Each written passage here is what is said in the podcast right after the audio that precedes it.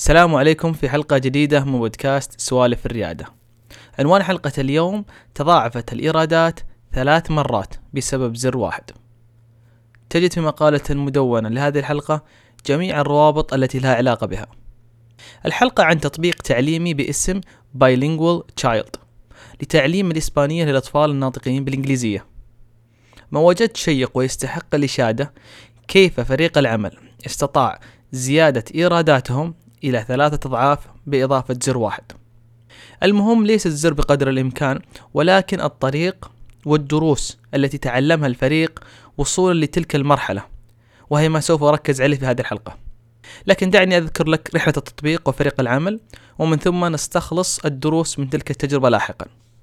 البداية كانت فقط تجربة كما يذكر مؤسس المشروع في مقالته وتم الانتهاء من بناء التطبيق في ستة أسابيع. يمكنك تحميل التطبيق مجانا ويشمل كتاب تفاعلي وعشرة كلمات مجانا. وإذا أردت كان هناك كتابان آخران يمكنك شراهما من خلال التطبيق بقيمة دولار فاصلة تسعة وتسعين سنت. بعد كم شهر وجد الفريق أن المبيعات اليومية أخذت في ارتفاع من خمسة عشرة ومن ثم إلى خمسة عشر دولار يوميا. بعد ذلك قام الفريق بتغيير كلمات البحث المرتبطة بالتطبيق وأيضا القسم المضاف له التطبيق داخل متجر أبل. هذا أدى لارتفاع المبيعات اليومية لمعدل 20 دولار تقريبا. بعد مرور سنة كما يقول المؤسس في مقالته أصبحت المبيعات منتظمة والتقييمات جيدة. والآن قرروا بناء التطبيق الحقيقي الذي كانوا يريدون بناءه من البداية. فقد انتهت فترة التجربة وتم التحقق من جدول العمل على وقت الكريسماس قاموا مرة أخرى بتعديل كلمات البحث التطبيق داخل المتجر. ورفعوا سعر الكتاب من دولار فاصلة تسعة وتسعين سنت إلى دولارين فاصلة تسعة وتسعين سنت. طبعا هذا أدى إلى نقص في عدد الكتب المباعة للفرد الواحد ولكن إيراداتهم بصفة عامة ارتفعت. حتى الآن ممتازة اكتشف الفريق أيضا من الفترة الماضية أن فقط ثلاثة في المية من اللي يشترون أحد الكتابين المعروضين للبيع سبعين في المية منهم من الثلاثة في المية اشتروا كل الكتابين. لذلك افترض الفريق لو أن لديهم كمية أكثر من الكتب ممكن ينتج عنها عمليات شراء أكثر. لذلك قرروا عمل سبع كتب إضافية ليكون مجموع الكتب المعروضة عشرة. واحد مجاني طبعا والتسعة مقابل 2.99 سنت. الفريق أيضا توقع أن الفئة التي تشتري سوف تتوقف عند الشراء على الكتاب الخامس تقريبا. مما يعني أنهم على الأقل سوف يحصلون 14 دولار فاصلة 95 وهي حصيلة الضرب خمس كتب مباعة في دولارين فاصلة تسعة وتسعين. وهذا فقط عشرين في المية من مجمل في المية اللي كانوا يشترون أول لكن حدث شيء مميز عندما تحدثوا لمؤسس آخر في قطاع مختلف وهو في التجارة الإلكترونية ومتخصص في بيع الملابس الرسمية الخاصة للمدارس الثانوية. عندما ذكر لهم أنهم حققوا مبيعات أكثر عندما عرضوا زر اشتر المجموعة كلها. فبدلا من أن يشتري الآباء الأمهات الأجداد والجدات تلك الأزياء لأولادهم أو أحفادهم كقطع متفرقة ممكن يشتروا القطعة ككاملة بسعر واحد ومخفض. طبعا فريق Bilingual Child قرر عمل نفس الخطة. عرضوا جميع الكتب المخصصة للبيع ووضعوا مقابلها سعر مخفض بقيمة 12 دولار فاصلة 99 أي أنك تستطيع شراء جميع الكتب المعروضة للبيع بسعر مخفض وبزر واحد. الفكرة هنا أنهم بدلا من أن يبيعوا فقط خمس كتب بسعر 14 دولار فاصلة 95 طبعا هذه كانت افتراضيتهم من الناس تتوقف عند الشراء على خمس كتب. وبكمية قليلة ممكن أن يبيعوا جميع الكتب وبكمية أكثر يعني عمليات البيع تكون أكثر.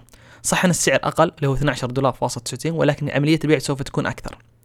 أيضا من اشترى الكتابين في السابق بقيمة 5 دولار فاصلة 98 سيجد أن شراء جميع الكتب فقط ب 12 دولار فاصلة 99 عرض لا يفوت بدل شراء كل كتاب على حدة هذا ما حدث.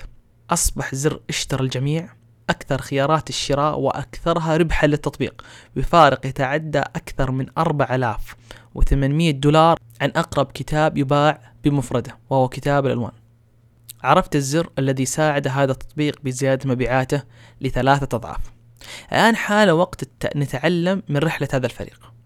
النقطة الأولى النسخة الأولى التي تم بناءها في ست أسابيع تمثل فكرة مبسطة لرؤيتهم وكانت عبارة عن تجربة وهذا ما يسمى المنتج بصورته الجوهرية الأساسية Minimum Viable Product MVP بعد التحقق من أن هناك مشكلة تحتاج لحل سوق وصورة أفضل لكيف يكون يكون الحل قاموا ببناء المنتج بالطريقة التي كانوا يتمنون ولكن الآن بثقة أكبر من السابق. النقطة الثانية وضع توقعات فرضيات ومن ثم اختبارها مثل زيادة عدد الكتب المعروضة للبيع. النقطة الثالثة عدم الخوف من اختبار طرق وباقات تسعير مختلفة بشرط أن لا تنفر السوق الحالي. النقطة الرابعة وهي مهمة في نظري التطبيق يخدم ويراعي فئتين مختلفتين. الفئة الأولى اللي هم الأطفال. الفئة الثانية الآباء والأمهات وغيرهم من من يشتري التطبيق ويحمله. طريقة تصميم التطبيق وسهولة استخدامه كان عليهم مراعاة احتياجات الفئة الأولى اللي هم الأطفال لكسبهم. طرق الدفع من حيث السهولة والسعر كان عليهم مراعاة الفئة الثانية الآباء والأمهات ومن يدفع هذا الكتب. ولهذا السبب كانت نصيحة صديقهم صاحب المتجر الإلكتروني مناسبة لهم لأنهم على الرغم من أنهم في سوقين مختلفين ولكن الفئة التي تستخدم المنتج والتي تدفع مشابهة لكلا السوقين. لمن يقدم خدمة أو تطبيق موجهة للشركات اللي هي تسمى business to business B2B نفس الكلام صحيح. من يستخدم الخدمة ليس شرط وفي الغالب لا يكون هو نفس الشخص الذي يدفع للخدمة. بخلاف الخدمات التي تستهدف المستخدمين اللي تسمى business to consumer B2C لذلك عليك تحديد جميع الأطراف المعنية في الخدمة. ليس فقط من يستخدم الخدمة ولكن أحيانا يكون من يدفع الخدمة أو أحيانا من يقيم الخدمة لشرائها. وفي هذه العملية ينصح عمل ما يسمى بناء شخصية واللي أو تسمى بالبرسونا لتتعرف على سلوكياتهم أكثر.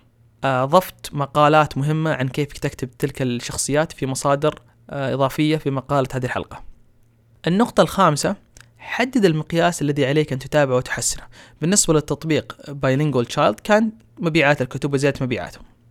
أتمنى أنك استفدت من هذه الحلقة ووجدت قصة تطبيق Bilingual Child والدروس من رحلتهم مفيدة لك في بناء خدمتك ومشروعك. شكرا لك وبما الله